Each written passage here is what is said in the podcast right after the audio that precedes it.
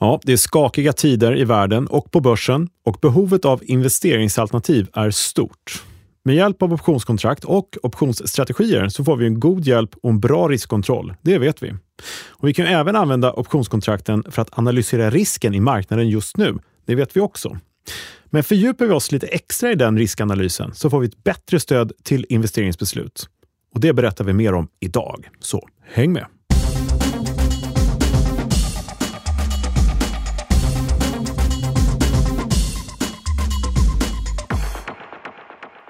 Ja, välkommen tillbaka till Optionspodden. Det här är podden ser kunskaper som ingen privat eller professionell investerare på börsen bör vara utan. Välkommen till avsnitt 51 och jag säger välkommen till Smile Studios. Thomas Bernholm från Nasdaq. det blev det fel ordning där. Det blev fel ordning, men det, ja. jag hängde med. Ja, välkommen Thomas. Tack så mycket, Kalle. Hör du, eh, ja, vad ska man säga? Det är skakigt i världen. Det är krig i Ukraina. Mm. Och ja, det är svårt att säga att eh, läget är helt okej faktiskt. Ja, det är utomordentligt sorgligt. Ja, Det är verkligen det. Eh, och eh, ja, plötsligt har vi en helt annan riskbild, självklart också i de finansiella marknaderna, mm. eh, som självklart påverkas jättemycket. Och jag läste, ja, var det idag, eller igår, i en av många analyser att det är, som man ofta säger, svårbedömt läge i marknaden, men det är någon sorts Eh, på riktigt svårt att, att säga vad det ska ta vägen nu. verkligen. Vi har liksom kärnvapenskrammel i korten och lite sånt där. Eh, så att, eh, nej, det, är lite bistert, Mm. minst sagt får vi säga. Va? ja, det är stor skillnad mot då förra avsnittet för två veckor sedan. Mm. Mycket sedan dess. Mycket obehagligheter. Det är klart, det var, det var Mm. en hel del prat om, om eh, Ukraina såklart redan då. Men Ja. man trodde kanske inte att det skulle få den här utvecklingen. Nej. Och samtidigt är det eh, intressant psykologiskt hur vi vänjer oss också. För två veckor sedan, som du säger, när vi sände sist här, Mm. då hade Putin precis eh, eh, erkänt de här utbrytarstaterna. Just det, det var Och- samma dag tror jag. Ja, Mm. precis. va. Och jag tror att analysen då från CNN, tror jag, jag lyssnat på precis, sa att eh, this is it och det här kommer Putin eh, nöja sig med, så att Mm. säga. Men det gjorde han ju inte. Och det var väldigt många som var förvånade för det. Just det. Och man skulle ju nästan kunna kalla för en svart svan, va? Eller Mm. grå svan. In- Ingen svart svan riktigt ju. Nej, men sant. Grå Grå svan. svan i alla fall, alla Ett gånger. nytt uttryck här, ja. Precis. Eh, Och jag menar, du läste upp då implicit volatilitet och skruvnivåer och sånt förut. Mm. Och, eh, det låg inte så mycket sånt i korten, eller hur? Utan nej, och det- eh, det ändrades fort. Ja, det gör det. Och det är ju lite tecken på osäkerheten som finns i marknaden. Det är ju, eh, I risktermer så har det ju varit hög risk. Så Mm. har det varit. Vi har ju en klar nedgång sedan årsskiftet. 22 procent ner från januari till nu i ja, men början, första veckan mars här. Mm. Och fortfarande så är ju risknivåerna i volatilitetstermer faktiskt inte skyhöga. Vi kommer in på det strax. Men så var det ju även för två veckor sedan. Och många tog ju förstås höjd för att det skulle kunna bli turbulent, men få såg ju att det här verkliga kriget skulle komma. Mm. Och Därav uttrycket är en gråsvane som Ja, du sa. precis. Mm. Och också tillbaks till det här psykologiska, att eh, eh, då var det liksom ingen som såg, ville se den risken kanske, eller trodde att det skulle komma, men nu är vi där. Nu är det bekräftat. Och nu lever vi efter det och nya risknivåer så att säga. Eh, så att, ja, det är, det är svårt att sia om eh, framtiden Mm. deluxe, Verkligen. om man får säga så. Då. Du, jag kommer att tänka på en sak. På, du gillar ordspråk och sånt, vet, eller citat. Mm. Jag kommer att tänka på Tage Danielsson. Ja, fin man. Ja, Ja. vår gamla folkkäre Tage. Men Mm. eh, han har ju då gjort väldigt mycket fint och skrivit mycket fint. Men Mm. slutet på en eh, grej han gör, den går så här. Freden måste komma först. Gör den inte det, min vän, kommer inget efter den. Jag tyckte var Nej, fint. tänkvärt. Ja. Verkligen. Lite ödesmättat I sådär. dessa Men, tider. ja. Ja. Nej, men så är det. Men eh, vi, ska, vi får väl säga att vi ska överleva det här också. Mm. Eh, helt Absolut. klart. Så att eh, vi kan säga så att riskbedömning på marknaden framöver är ju väldigt viktig. Och eh, ja, vi eh, kan ju också säga lite snabbt, vi skulle haft gäster med oss idag. Eh. Och med all respekt för det så blev det för stökigt och osäkert på marknaderna. Så att vi fick ett eh, återbud här, men de kommer tillbaka. Ja. Så vi tar en eh, risk... Eh, eh, ja, vad ska vi säga? Riskfördjupning istället. Hade du eh, beräknat det här eller hade du tagit med det i, i eh, vad, tänkbara scenarion? Eller? Ja, jag hade en strategi för det här också. hade jag, Vi får se hur det går. Ja, men visst. Ja. Nej, men, det är extra viktigt förstås. Eh, oron är hög. Eh, det dyker upp mycket frågor om eh, vad gör vi nu eh, och sådär. Och det är lite klassiskt, det är väldigt typiskt. Eh, man vill ju inte befinna sig där vi är nu, där vi går ner kraftigt. Man ser portföljens värde minska. Vad kan vi göra framöver? Eh, vi har pratat mycket om strategier som vi kunde gjort inför det här faktiskt. En del har gjort det. Eh, till exempel vår put-back spread till exempel. Mm, kul. Ja, eh, fått lite feedback på den. Men du hade även fått någon som var lite upprörd? Va? Ja, Någon kommentar, eller? Eh, faktiskt. Var det så? Ja, det Aha. stämmer det. Men det var inte som man kan tro. Nej. Utan det var för att fasen att jag inte gjorde den. Jaha, Eh, okej, så det var men det lite god arg feedback får Ja, man just säga. Mm. Ehm, Ska vi säga någonting om den? Vi pratade alltså om en putback spread och, och ratios och så vidare. Och lite Mm. olika alternativ för nedgående och även stillastående och uppåtgående. Men ja, men precis. Och just Lite den hade ju varit praktisk att Mm. gå in i förstås. Eh, som då profiterar på en stark nedgång. Eh, men det viktiga man kan göra nu, det, är, det vi ska fördjupa oss i idag, är Mm. någonting vi inte tagit upp förut. Det är när vi går in i våra volatiliteter, men vi fördjupar oss ett steg till där. Mm. Utan att det blir för mycket nördnivå så kan man göra en bedömning per dag, för varje dag som går. För just nu är det ju osäkert för varje dag som går. Hur kommer det röra sig? Hur kan vi liksom ta bättre beslut? Just det. Så ett extra hjälpmedel som ja, men, traders på market makers f- tittar på dagligen, Mm. så bjuder du på det också. Så har vi faktiskt inte tagit upp av någon anledning tidigare. Mm. Men det gör vi då. En liten fördjupning sa du Ja. och eh, som ska vara ett stöd, ett extra hjälp och så. Det låter jättebra. Ja, men precis. Så man får ett litet verktyg till på vägen, är planen här. Då. Ska vi titta lite grann på hur marknaden mår då? Ja, Eller? Hur den faktiskt mår, ja. Mm. Ja, men det gör vi. Låt höra. Gör vi det. Jaha, Kalle, hur ser det då ut? Hur är läget på börsen? Ja, eh, nedgång, hög volatilitet och någon sorts all time high i svår bedömning av börsen. Om man ska liksom... Just det. Men det finns course. inget värde för det riktigt va? All time high är svårbedömd. Nej, Den- det gör inte det. Nej. Men det var faktiskt någon som förklarade rätt bra, en utländsk eh, analys, eh, eller analytiker, eller om det var bara en ekonomireporter, som eh, sa att eh, ja, men det är ju svårbedömt varje gång det går ner. När ska det vända och catching the falling knife och allt där. Men vi har inte sett det här tidigare. Det här eh, krigsutbrottet är ju en sak, vi har haft krig förut. Men att det är krig i Europa och att Ja. det är skrammel med kärnvapen just då det här. Eh, och Otäckt. Putin och allting. Ja, och det gör ju att det hela sätts lite mer på sin spets. Mm. Så är vi på väg in i någonting katastrofalt eller eh, och jag tror att det mycket ligger i att vi inte riktigt kan se en, jag ska säga ett eh, riktigt bra slut på det här. Mm. Så, utan någonstans så måste det in i en skärseld och sen ta slut, så att säga. Eh, och det gör att det blir får hoppas att du har fel. Men, ja, Ja, men Eh, Nej, och- siffrorna här kanske kan skvallra lite om det. Det. Och sen har vi lite andra faktorer också som vi pratade om tidigare. Inflation och höga oljepriser Ja. och sådana här saker. Exakt. Inflationen, oljan, energipriserna Mm. och så krig på det. Så frågan är om vi har fått den perfekta stormen eller början på den. Mm. Förhoppningsvis så är det ju inte så. Jag hoppas också att det inte blir så. Men det Nej. är de spekulationerna vi hör där ute lite grann och få ta med i bilden när vi Mm. pratar risk. Och samtidigt har vi sett en sättning på dryga 20 procent som du sa inledningsvis. Det Så har vi i, på vår börs, ja. Mm. Eh, Men det är ungefär över linjen så är det ju nedgång sen årsskiftet, nästan precis vid årsskiftet. Ja. Eh, neråt då. Och vi är nere på Ja. nivåer som vi hade eh, ungefär ett år tillbaka. Eller? Ja, Mm. eh, årslägsta lite drygt, eh, men nästintill på Mm. dagen faktiskt sådär, årslägsta har vi ju. Och fortfarande Så- en bra bit kvar till eh, lägsta nivån där när covid bröt ut, eller hur? Ja, det kan man ju säga. Det var 1400 nivån där liksom. Det är ju väldigt långt ner. Mm. Det är det, men det är alltid Och- bra med referenser. Ja, så. det är det ju. Ja. Ehm, och så kan man ju börja säga om värdet på den nivån, om vi ska dit och så här. Men ja, Mm. Ja. ryska börsen och deras bolag gick ner 97 procent. Det är något annat, men man vet Mm. ju inte liksom riktigt vad värdet ska vara framöver. Men vi kan ju kolla på våra risknivåer då, i VIX till exempel. Precis. Volatiliteten. VIX ligger just nu på 35, vilket är högt som bara den. Mm. Det är högsta vi har sett sedan ja, åtminstone ett år tillbaka. Drygt, säg 15 månader. I januari förra året, där någonstans Mm. var vi, vid 35 på VIX. Vid 40 på VIX så brukar vi ha eh, irrationell handel och kraftig nedgång. Just.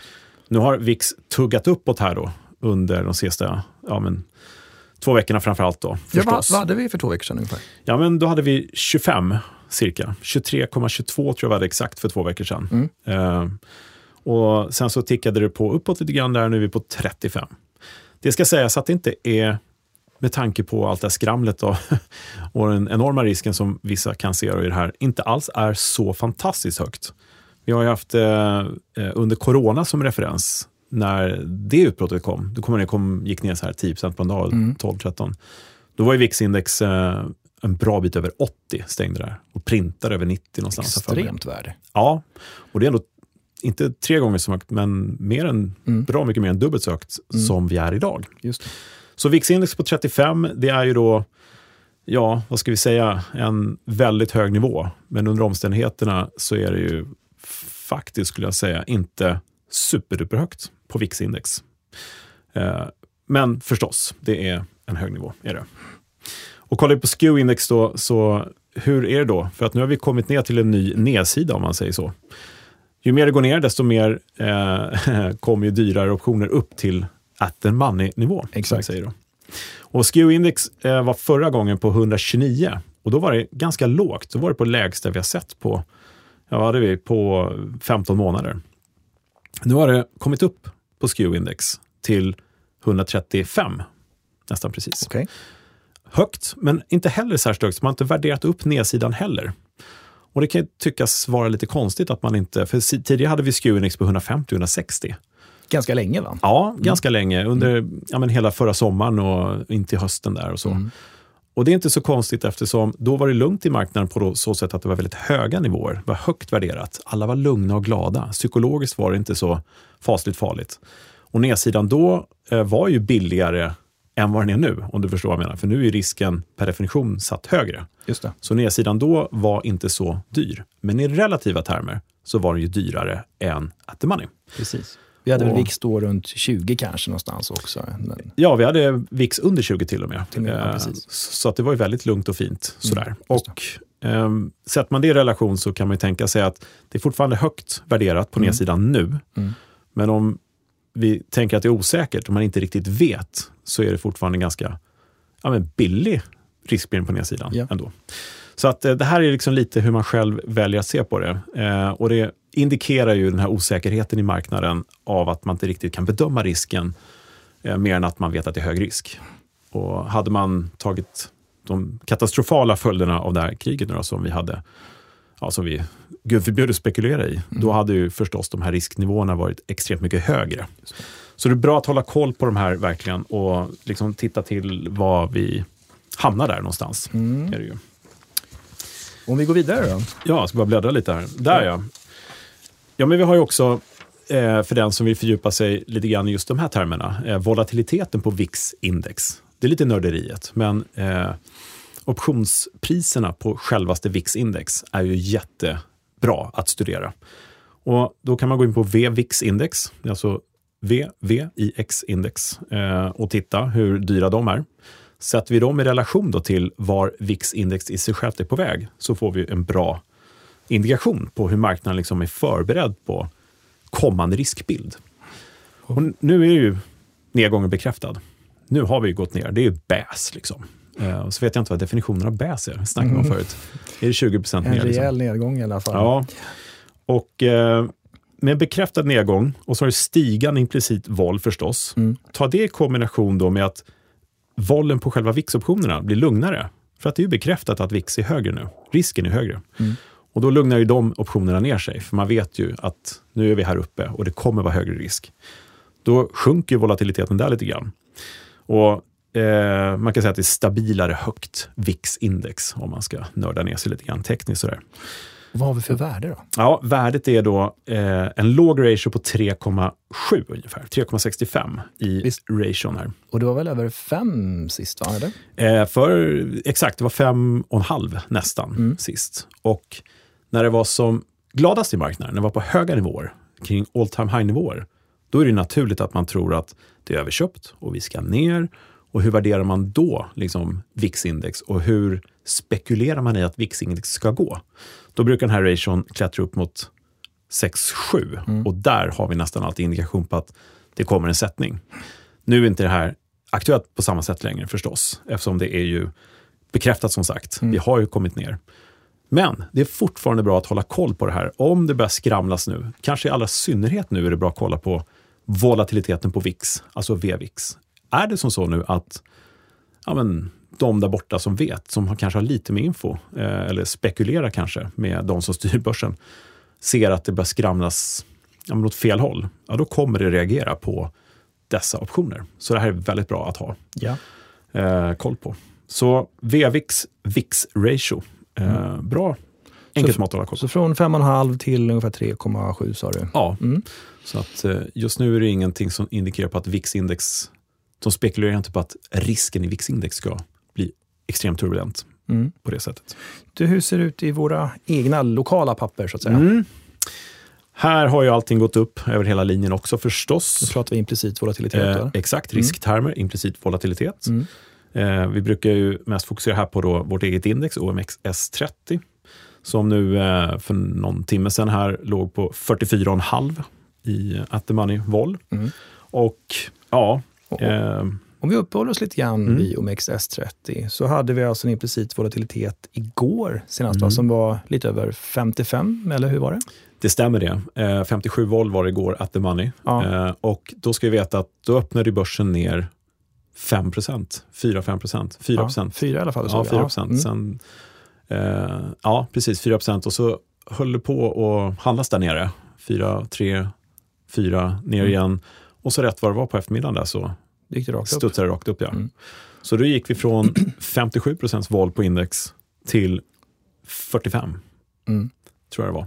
Så eh, strax, ja, ungefär där vi är nu helt enkelt. Och det är 12 voltpunkter på en eftermiddag och 100 punkter ungefär på index. Ja, Det är en aggressiv rörelse. det måste man säga. Mm. Verkligen. Eh, så det där definierar just nu marknaden. Ja. Jätteintressant. Dels Mm. har vi en enorm rörelse, men sen Mm. har just förändringen i implicit volatilitet. Och är man då bekant med sånt som Vega till exempel, så Stämmer. förstår man också att det blir väldiga förändringar i optionens premie. Ja, det blir där det. sker. Mm. Inte bara rörelsen då, utan det är ganska mycket, eller hur? I implicit volatilitetsförändring. Det är väldigt mycket. Mm. Man kan roa sig med att ta fram Vega-värdet eh, och ja, men, ta det gånger 10 voltpunkter och se liksom skillnaden i pris. Mm. Så allt annat lika, under en enda dag så var det extrema rörelser faktiskt, får man Mm. lov att säga. Så en bra strategi under gårdagen hade kunnat vara att man utfärdade en säljoption när det var Mm. som lägst, alltså, eller ja, när det var ner Ja. ganska mycket i alla Ja, det är klart man pricka. Ja. Men sen så händer någonting, går upp väldigt mycket, vilket Mm. gynnar dig och implicit volatilitet packar ihop, Ja. gynnar dig också. Så att, Ja, det hade varit bra. Mm. Det är enkelt med, med facit i hand förstås. ja, nej, Eh, absolut. Det är bara för ja. att få ett eh, mer konkret exempel Ja, så man förstår. så. Liksom. Ja. Det är två saker som jobbar Mm. till din fördel. Ja, men så är det. Rörelsen och volatiliteten. Och det är lite det vi brukar prata om. Mm. Flera fördelar på en och samma gång. Ja. Sådär, så. Ja, precis. Ja. Eh, Det var S30 det. Har, har du någon annan kommentar kring något papper som kanske sticker ut? Eh, egentligen inte. Vi tittar ju lite grann på eh, som eh, ja, men Ericsson, vi har Evolution Gaming vi brukar prata om. Hennes och Mauritz har varit väldigt hög, högt värderad Mm. i risktermer och där, Hennes Mauritz har ju som många andra papper gått ner kraftigt. Men där har även risken stigit så att edgen där är över 30 procent. Behöver inte säga så mycket just nu i och för sig eftersom det är mycket som, den historiska är 30 dagar bakåt och det är mycket som ska räknas in. Eh, ja, men som det. kommer också. Så Ja. att, eh, det går ju lite långsammare med den historiska så att Ja, det, säga, sant, in. det är sant. Det är en bra poäng. Ja, men Okej, där har vi haft lite eh, ja, men händelser, lite Just det. handel. Är det de Mm, Så att det som utmärker sig mest här? Det är också, Boliden har ganska hög edge också. Sådär. Men det här är ju Ja. sånt man kan kika på på din hemsida. Ja, det är det. Och, eh, Optionsbloggen.se. Yes, Mm. och bara ett litet tips på vägen också. Om man har tillgång till Infront eller något handelssystem, Mm. ta fram ett fönster med de mest omsatta optionskontrakten just nu. För det är väldigt mycket alltså puttar som omsätts på index i bra volymer. Så Mm. man får indikation på vilka eh, liksom strikes, vilka lösenpriser som omsätts där. 1600-nivån till exempel såg jag omsattes kraftigt. Eh, och vi har en del som man kan räkna ut då är kanske tidsbreddar och lite sånt där. Och Ja. så kan man få en liten indikation på vad marknaden gör. Och det är bra volymer faktiskt man har gått igenom här på index åtminstone.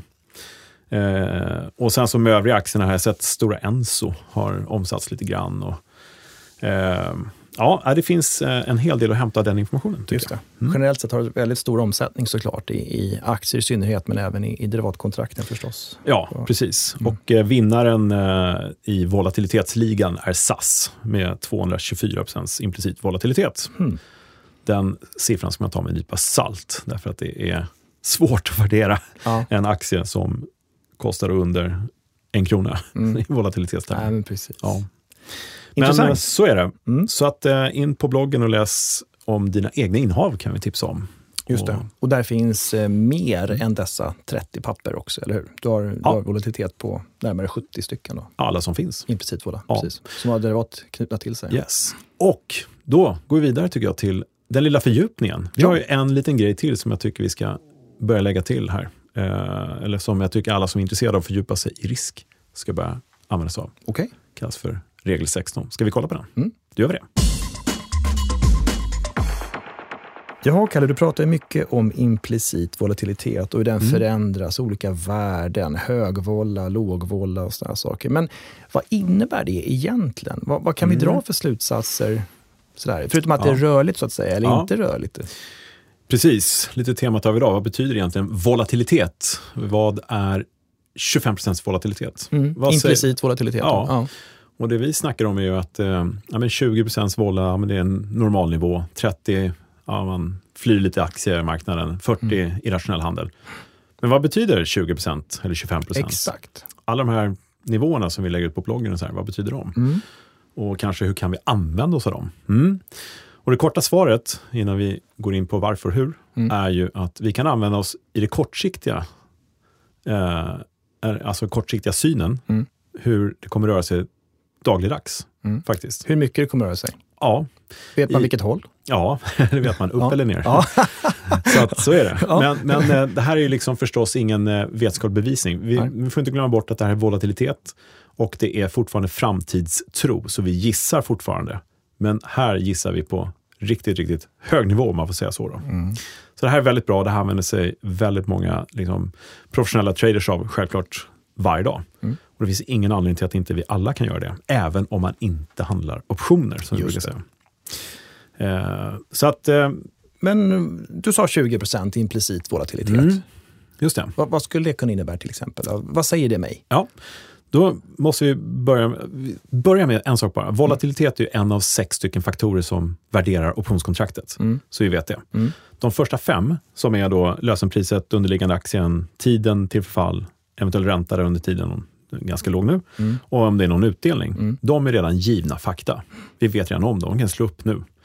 Men den eh, liksom, sjätte faktorn som är volatiliteten, alltså rörelsen underliggande aktien som ska värdera optionskontraktet, det vet vi ju ingenting om, för att optionskontraktet faller ju om 30 dagar. Typ, eller mm. någon gång i framtiden. Vi vet ju ingenting om hur det kommer röra sig fram dit. Så då måste vi ha en spekulationsgrad. Vad tror vi om mm. 30 dagar? Och vänder man på det och tar liksom optionspriset som redan är klart, då kan mm. vi räkna ut vad marknaden faktiskt tror om den rörelsen. Man räknar baklänges helt ja, enkelt. och får ut volatilitets faktorn. Mm. Och, och, kanske att vi ska vara väldigt noga med att se om volatilitet kontra implicit volatilitet. Mm. Eller hur? Så volatilitet, är det historiska du syftar på, ja. medan implicita är den som du förutspår. Ja, vi kan förtydliga så här att i de här sex faktorerna, mm. för att få fram ett teoretiskt optionspris, mm. så använder vi ofta den historiska volatiliteten. Exakt. Det som har varit de sista 30 dagarna, det vi mm. faktiskt vet. Och då får vi fram ett teoretiskt pris, mm. som är fem spänn kanske, med 20% historisk volatilitet. Är det som så nu att vi tror att det är högre risk kommande 30 dagar, vi gissar på det, eller vi känner på oss det, eller vi analyserar fram det, då ökar vi förstås den här volatilitetsgraden till 25 procent kanske. För vi tror att det kommer röra sig så pass mycket. Mm. Och det är just den rörelsen vi ska analysera alldeles strax. Mm. Då får vi ett lite högre optionspris och vi lägger ut det skarpt i marknaden. När alla andra börjar handla sen på det här fina priset och kanske går från 5 spänn upp, handlar upp till 7 spänn, då kommer det motsvara en volatilitet på kanske 28 procent. Just det. Det är det vi kallar för implicit volatilitet. Mm. Alltså risken som marknaden tror i volatilitetstermer fram till förfall. Precis. Och du petar så. alltså in optionens pris som du sa och får fram mm. implicita volatiliteten. Just det, vänder på flödet mm. eh, i andra läget. Då. Mm. Jag tar priserna i marknaden och kollar vilken implicit volatilitet det eh, motsvarar. Just det. Helt enkelt. Okej, okay. och vad innebär då, då mer konkret? Liksom? Mm. Vi säger 20 procent sa du. Vill, vill, du kanske utgå från det enkelt? Det kan vi göra. Vi brukar göra det, känns ja. som. Ja. Ja. Så 20 procents volatilitet och säg att det ger en optionspremie på 5 kronor. Det innebär att de 5 kronorna kommer röra sig upp eller ner med 20 procent inom ett års tid med en standardavvikelses säkerhet, det vill säga ungefär 67 procent. Mm. Och det här är ju nörderi på hur man beräknar det bara. Det. Och 20 procent på ett års tid och det är mm. 252... 252 dagar, Just det. Mm. brukar man säga. Ja. Och uh, having said that så innebär ju det samtidigt att uh, vi har ju en uh, ja, men ett års tid, om man ska vända det till det, är ju ganska lång tid. Mm. Och de flesta optionskontrakten är ju kortare än ett års tid. De är några veckor eller en månad eller två månader kanske. Sådär. Eh, men so far so good. Men om vi då tar, nu ska vi liksom försöka ta det här, hur tolkar vi volatiliteten och vad innebär den här procentuella siffran? Och då ska jag säga så här att volatilitet är proportionellt mot roten av tiden. Mm. Mm. Så om vi tar ett års tid mm. så är det proportionellt mot roten av tiden och inte direkt mot tiden. Mm. Och det är svårt att förstå. Men om man ska ta det, liksom, det är logg normalfördelat och det är liksom den naturliga logaritmen och allt det här. Det innebär i grunden att en aktie kan gå ner 100%, inte mer, men den kan gå upp mer än 100%. Så man tänker sig normalfördelningskurvan så är den inte normalfördelad, den är logg normalfördelad. Så mm. håller man på så här lite matematiskt, det är inte helt viktigt. Mm. Men bara så man förstår bakgrunden där. Ja, ja men ja. visst. Så ja. det finns liksom en abrovinkel på det här. Mm. Det här leder till att vi kan inte säga liksom att den här premien som vi snackar om kommer gå upp eller ner 20 procent eh, liksom inom ett år. För det kommer inte hända till att börja med eftersom den är tre veckor gammal bara, eller den håller bara i tre veckor till. Mm. Men om vi då tar roten ur 252, vilket är antal handelsdagar på ett år, ja. då får vi 16. Mm, och därav regel 16 som Därav regel 16. Jag tänkte, är, vad är den 15 regeln? Ja, exakt. Okej, regel ja. 16. Ja. ja det, det, finns inte 15 olika regler innan. Nej, Nej. Nej, så regel 16, och det, det, här är ett vedertaget begrepp helt enkelt inom optionstrading, mm. inga konstigheter. Och eftersom vi brukar göra det enkelt med volatilitetstermen mm. 20% och säga att det är en normal nivå, så kan vi göra det enkelt här också, utan att fördjupa oss för mycket. Tar vi helt enkelt en option som har 16 implicit volatilitet mm. och delar den med just 16, mm. då får vi 1, eller hur? Yeah. Det betyder att den underliggande aktien, vars optioner just nu har implicit volatilitet på 16, mm. kommer röra sig upp eller ner med 1 procent fram till förfall med 67 procents sannolikhet. Okay. Där tycker jag man ska spela tillbaka den här podden i 10 sekunder och lyssna en gång till. Mm. ja, men det, det, här är, det. det. här kan ju vara lite knepigt att få in liksom, eh, mm. i första skedet. Men det jag säger är att man kan ta alla de här implicita volatiliteterna som vi räknar ut och dela med 16. Och då får man den dagliga teoretiska rörelsen, mm. upp eller ner, i den underliggande aktien.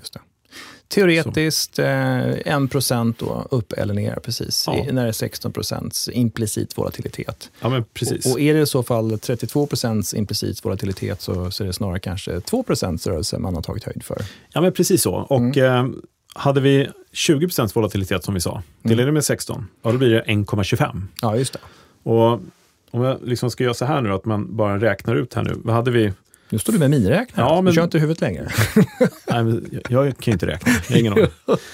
ja, men vi hade 40, kolla faktiskt, 42 procents volatilitet just nu ja. på index. Ja. Och så tar du det med 16. Det betyder att index just nu, teoretiskt, på en dag kommer gå 2,6 procent upp eller ner. Mm. Men då måste vi ta det här viktiga, det här logg normalfördelade. Man måste beräkna det också. Eh, det är väldigt många som jag har pratat med lite snabbt om det här som tar då, nej men det, du kan räkna med att det går upp 2,6 procent eller mm. mer. Sådär, eller det kommer röra sig så mycket. Det är självklart inte sant, utan det är i generella termer dagligen över tid, egentligen då dagligdags fast i en annualiserad eh, liksom, beräkning. Okay. Så att det här är fram till förfall ja. och det kan ju lika gärna vara lugnt imorgon. Det ja. rör sig 0,2 procent. Men det är där marknaden just nu liksom beräkna risken och rörelsen i den underliggande aktien. Mm. Så det, är inga, det här är ingen, inga självklarheter, inga inget facit. När kan vi ha glädje av det här då? Mer mm. konkret, är det när vi kanske ska välja strategi eller när vi ska... Ja, det här är precis, det är en jättebra fråga. Mm. Om du tänker att du har svårt att välja nu vad du ska göra lite grann och hur du ska bedöma risken. Då tittar du på vollen och allt det här, tittar på SKU förstås. Det är ju marknaden i sig. Ja. Men enskilda innehavet eller kanske på index då, om du ska handla optioner där, så är det perfekt till att börja med att använda för att välja lösenpris kanske. Mm. Så om du vet nu att marknaden faktiskt värderar rörelsen i index till 2,6 procent per dag mm. eh, i teorin, över tid, framför fall, så kan du faktiskt börja titta på dina lösenpriser någonstans där i närheten. Eller åtminstone ha det som referens. Mm. Det kanske inte är alltid vettigt att ta 2,5 procent upp och ner och göra en ja, vagga. Nej, utan, men precis. Just det. Eh, men referensen är väldigt bra att ha. Ja. Så att man vet att eh, det kan jag, bli rörligt. Liksom. Ja, precis. Jo, mm. det, det, just säga det. Man får ju mm. ett eh, grepp om hur pass rörligt eh, det är prissatt, så att säga, som det kan bli kanske. Då. Precis. Eh, lite stöd som du säger. Ja, men det, exakt så. Ett stöd. Och det är ingen given fakta. Nej. Men om vi vet om en jämfört exempel att här gör vi en strategi som kommer gå alltså 0,5 procent varje dag, eller 2,6 procent, mm. ja, då vet vi per dag liksom vad vi kan möjligen förvänta oss av mm. hur marknaden prissätter risken just nu. Just. Sen kan den här volatiliteten som igår falla 12 punkter. Mm. Då är det något nytt som gäller. Verkligen. Ja. Och det är jättebra att du säger det. Ja. För att det är en snabb, snabb förändring. Ja, det här är verkligen en snabb förändring. Ja. Speciellt på index. Eh, för all del också även i eh, vissa aktieslag. Mm. Men det här kan man ha väldigt mycket användning för, eh, alltså i alla olika marknadslägen. Eh, ja, men eller hur? Inför rapporter eller inför statistik och sådär. Så. Mm.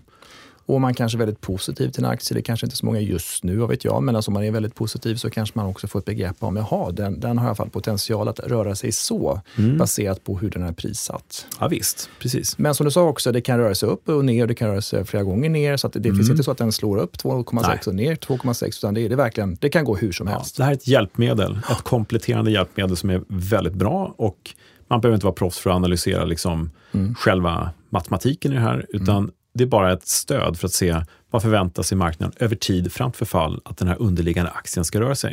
Mm. Man kan uttrycka så här att när regel 16 berättar för oss hur optioner prissätter risken i en aktie. Lite så. Mm. Inte prissätter en aktie, utan Nej, risken det. i en aktie. Ja, exakt. Mm. Ja, precis. Annars... Eh, ja. ja. Så det här gör ju att ganska många cash traders som inte handlar så mycket derivat också tittar på sådana här mm. mått för att precis. få en indikation till hur deras innehav kommer röra sig kanske. Mm. Och ta beslut ja, men i aktien också mm. för sin handel och sina positioneringar. Just det. Så att eh, här har vi ett, eh, ja, en liten crash course, som vi säger, regel 16 på mm. i volatilitetstermer. Nej, men jag gillar den. Mm. Förenklad, eller det blir smidigare att tänka. Ja. Och, sådär. och eh, som sagt, kika på den på hemsidan, din hemsida. Ja, verkligen. Och, eh, Ligger den där redan eller? det gör den, ja. eh, ska den göra, om ja. den inte har försvunnit. Men det tror jag du får dubbelkolla när du kommer hem. Där. Ja, det får jag göra. Ja. Men det går ju också att, eh, det finns väldigt mycket fina artiklar att googla om också. Eh, mm. Gör det, men det ska finnas där. Just det. Och det tror jag vi ska ta upp också i kommande webbinarier och sånt där. Mm. Det kommer lite frågor om det, så att vi kan eh, hålla fast vid den här lite grann. Mm. För det är bra komplement som sagt. Just det. Mm. Och har man en uppfattning om att eh, en aktie kommer vara kanske lite lugnare än eh, hur den prissätts, alltså mm. optionsmässigt eller implicit volatilitet rätt sagt, så mm. kanske det är någonting man kan kika på. Det är edgen egentligen, eller hur? Också. Ja, just det. Skillnaden där mellan ja, exakt. Vollorna. Så att då mm. kan man få ganska bra överblick kvickt genom att ja. titta på det. Så att, eh, ja, men så, det här är ju lite nörderi. Det är kanske någonting att det här är för avancerat för mig och sådär, men tänk inte så, utan det här är faktiskt eh, om man inte är så intresserad av matematiska, fortfarande ganska elementärt och mm. användbart mm. faktiskt att ta med. Då. Nej, men en bra förenkling, mm. regel 16. Ja, mm. inga konstigheter egentligen bra. faktiskt. Är det något mer du vill säga om denna regel? eller?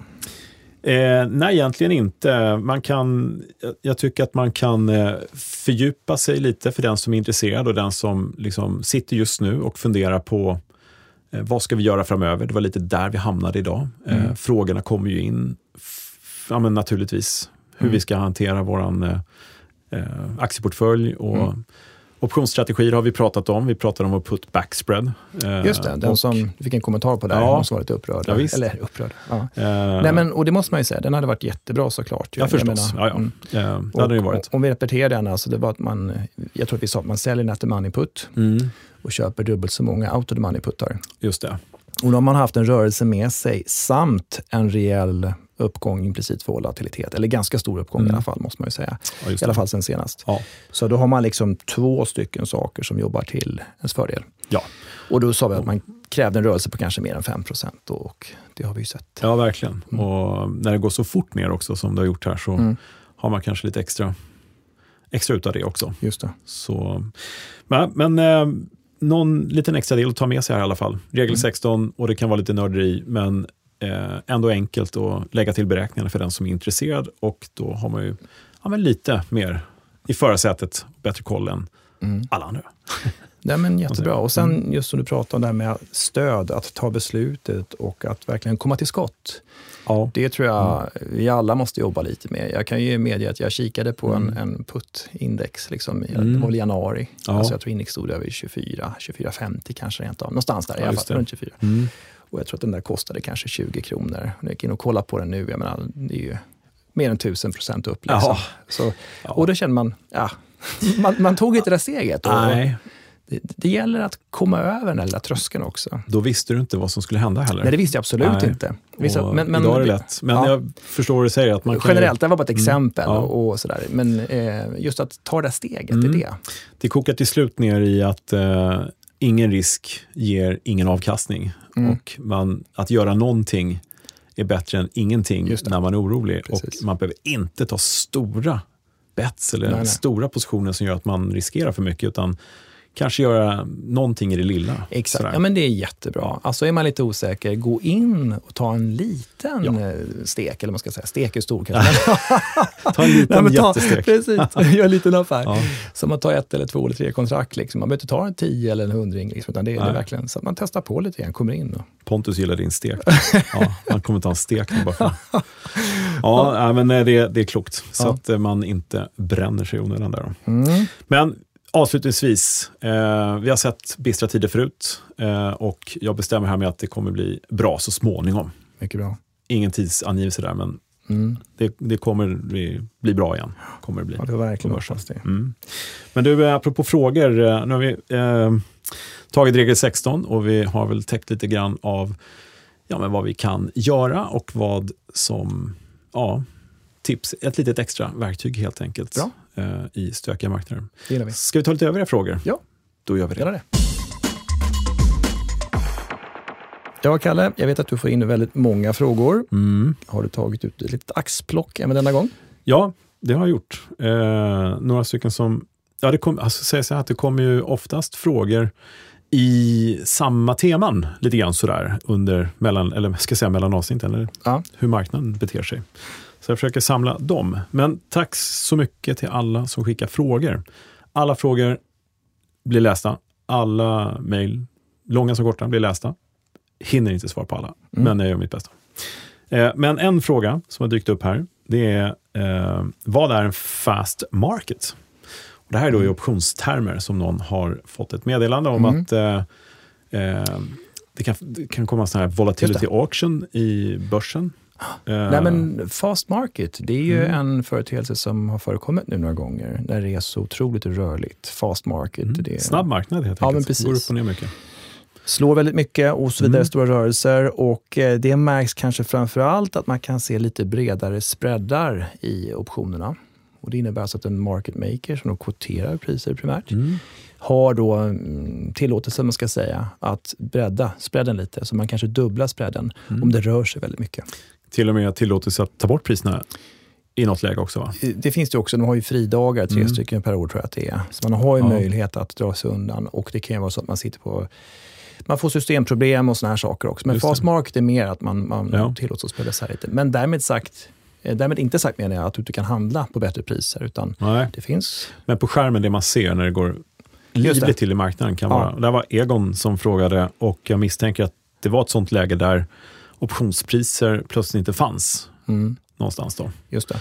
Och då kan det vara så fast market. Och som sagt, i eh, aktier finns det ju en sån här volatility auction, att det blir en, eh, ja, men helt enkelt en varning för att det är för hög omsättning eller handel. Jag tänkte det går för snabbt upp och ner. Så det inte blir rationellt. Då. Just det. Det Mm. kan man ju se i terminerna och terminer också. Ja, just det. för stora rörelser så, så gör man en paus där för att Ja. säkerställa. Ja. Eh, Per-Erik har frågat en bra fråga som är bra att hålla koll på nu. Och han frågar hur kan man läsa av Vegat, har han sagt, och de övriga nyckeltalen. Mm. Och Det här är för att hålla koll på risken då i optionshandeln. Mm. Hur kan man läsa av det? Och ja, ehm, Det är svårt att googla sig till, tror jag. Det, det går. Men det bästa är egentligen att ha ett handelssystem som Infront till exempel. Mm. Options Play. Går? Precis. Options Play Ja. också, ja. Då ser du eh, grekerna. Eh, det är väl det allra bästa om man Mm. har det liksom live, om man får uttrycka så, då, Just det. framför sig. Och, Mm. nej, men Options Play kan verkligen, du kan simulera också verkligen. Mm. Vad händer om, om volatiliteten ändras och sådär. Vad har jag för Ja. vega i mina Mm. eh, positioner här. Ja, men som vi har varit inne på idag, när det igår, Mm. det verkligen intradag rör sig mycket. Ja. Simulera det, om Ja. det händer igen. Så att eh, Options Play är gratis för privatpersoner. option play, optionsplay.se. Ja, bara registrera sig. Utbildning och verktyg och så vidare. Ja. Rapporter och annat intressant. Mm. Men Infront kommer väl med en kostnad? Ja, det, kommer, det, det, det är en låg kostnad initialt. Sådär. Eh, där har du ju inte bara optionshandel, där har du hela börsen och Mm. alla börser. Och du har ju teknisk Nyheter analys och ja, där. Mm. direkt och allting live. Liksom där. Så där, det är ju ett, ett handelssystem som proffsen sitter med och Mm. har gjort i årtionden, höll jag på att säga. Eh, Men så då kan man kontakta sin bank antar jag. Som man, Ja, eh, det är nog bara att gå in på deras hemsida och regga upp sig eller ringa sin mäklare, ett ombud och sådär. Mm. Så. Och på eh, Infronts egen goinfront.com tror jag, kan man registrera sig testversion också. Så Sen där finns kan man se. säkerligen flera andra system, bra system. Ja, det gör det säkert ja. Så, så att, De vi kom på nu. Som, exakt, så kolla med, kolla med din bank eller Mm. motsvarande fondkommissionär. men det är bra att hålla koll på nyckeltalen, så kan Mm. vi avslutningsvis säga. Just det. Och Johanna frågar så här, eh, hon sa att i den här skakiga marknaden vill jag handla mer med optioner. Mhm. Bra där, Mm. parentes. Eh, hur kan jag lära mig mer? Och det är väl en fråga vi gillar att få. Ja, men visst. Ja, Ja, lyssna, lyssna på podden. Nej. Ja. Nej, men ännu mer, absolut. Och, eh, det finns ju en hel del material på, på nätet. Mm. Och vi nämnde just Options Play, det finns massa inspelade saker, alltså Ja. webbinarier och sånt. Kika där. Det finns en frågebank, eller man ska säga en, en på informationsbank. engelska ska vi säga. Ja, men precis. Mm, Sen har ju du din sida, mycket skrivet där, optionsbloggen.se va? just det. Eller har du några fler sidor du kan tipsa om? Ja, Ja, det bruk- Podden.se, jag har ju Mm. en Spiri.se, jag har ju Ja. Facebook.se, jag har ju... Nej, nej Ja. men det finns mycket. Och vi, vi, bara angående webbinarier så har vi ju nästan utlovat att hålla lite sådana här framöver. Mm. Och en liten cliffhanger kan vi släppa, att det är saker på gång också. Det sa vi tror jag här om Ja. sistens också. Påminner om det. Absolut. Så att eh, planen här framöver, inom kort, Mm. är att det inte ska vara svårt att lära sig optionshandel. Ja, precis. Och det ska inte kosta mycket. Och jag tror vi, ja, Typ eh, nej, men för retailkunder, alltså Mm. privatpersoner, Ja. så finns det då ett gratisalternativ. Sen gör vi även någonting för riskpersonal och motsvarande och även professionella förvaltare, Ja, traders och så vidare. Och de kommer kosta en del, men Mm. det kommer komma ut en hel del nytt. Att, eh, Som vi jobbar hårt med varje dag just nu. det gör vi, absolut. Så att, men vi håller er informerade. Yes. Så att, eh, Men under tiden kan man gå in på optionskurs.nu om man Mm. vill ha en väldigt enkel, helt kostnadsfri introduktion på fem stycken lektioner. Mm. Så får man en bra början. Mm. Och sen så självklart, fortsätt ställa frågor till Optionspodden eh, på optionspodden.se. Och så, ja, så läser vi dem och vi försöker svara om vi hinner med. Mm. Eh, och så tar vi upp det som är aktuellt i podden här. och missa inte tio frågor och svar heller, broschyren där som, som Ja, just det. på olika platser. Gå och ladda ner på optionsbloggen också. Mm. Märker vi hur mycket möjlighet vi skickar iväg ja, nej, det finns nog en hel del. Så. Och så kommer det mera. Så. Vi skickar iväg mycket options Precis. till olika sätt. Har vi Eh, någonting mer eller ska vi runda av här? Nej, jag tycker vi rundar av och jag skulle bara vilja komplettera ditt fina Tage Danielsson-ordspråk där mm, citatet där som jag sa i början. Där, precis. med eh, Werner Heisenberg, tror jag. Mhm. Mm. Han sa på engelska då så här, Only a few know how much one must know to know how little one knows. Ja, nej men precis. Lite avdelning, det är osäkerhet i marknaden. Ja, Mm. och ju mer man lär sig, desto mer förstår man att man har mer, ännu mer att lära sig. Eller hur? Så det, Påminner om Donald Rumsfeld, för försvarsministern i USA, var han inte det? Eh, vad sa han då? ja, men the unknown knowns och known unknowns och unknown unknowns angående massförstörelsevapen i, i Okej. Irak. Ja, Det var snart 20 år sedan. Men det, var, det tycker Det man kan beving- you- youtuba upp, för det är ganska kul när han tar den. bevingat ord. Ja. Ja. Nåja, men eh, vi ska väl avrunda här som sagt. Ja, men gå in på optionspodden.se, tidigare avsnitt, också ett bra tips om man vill eh, fördjupa sig i kunskaperna, utbildningsavsnitten inledningsvis där. Då. Optionsbloggen.se som sagt, Twitter, att cbjörkegren, där når ni mig. Eh, Facebook, en Spiri, en, en Spiri Academy, kan inte ens säga mitt eget bolag.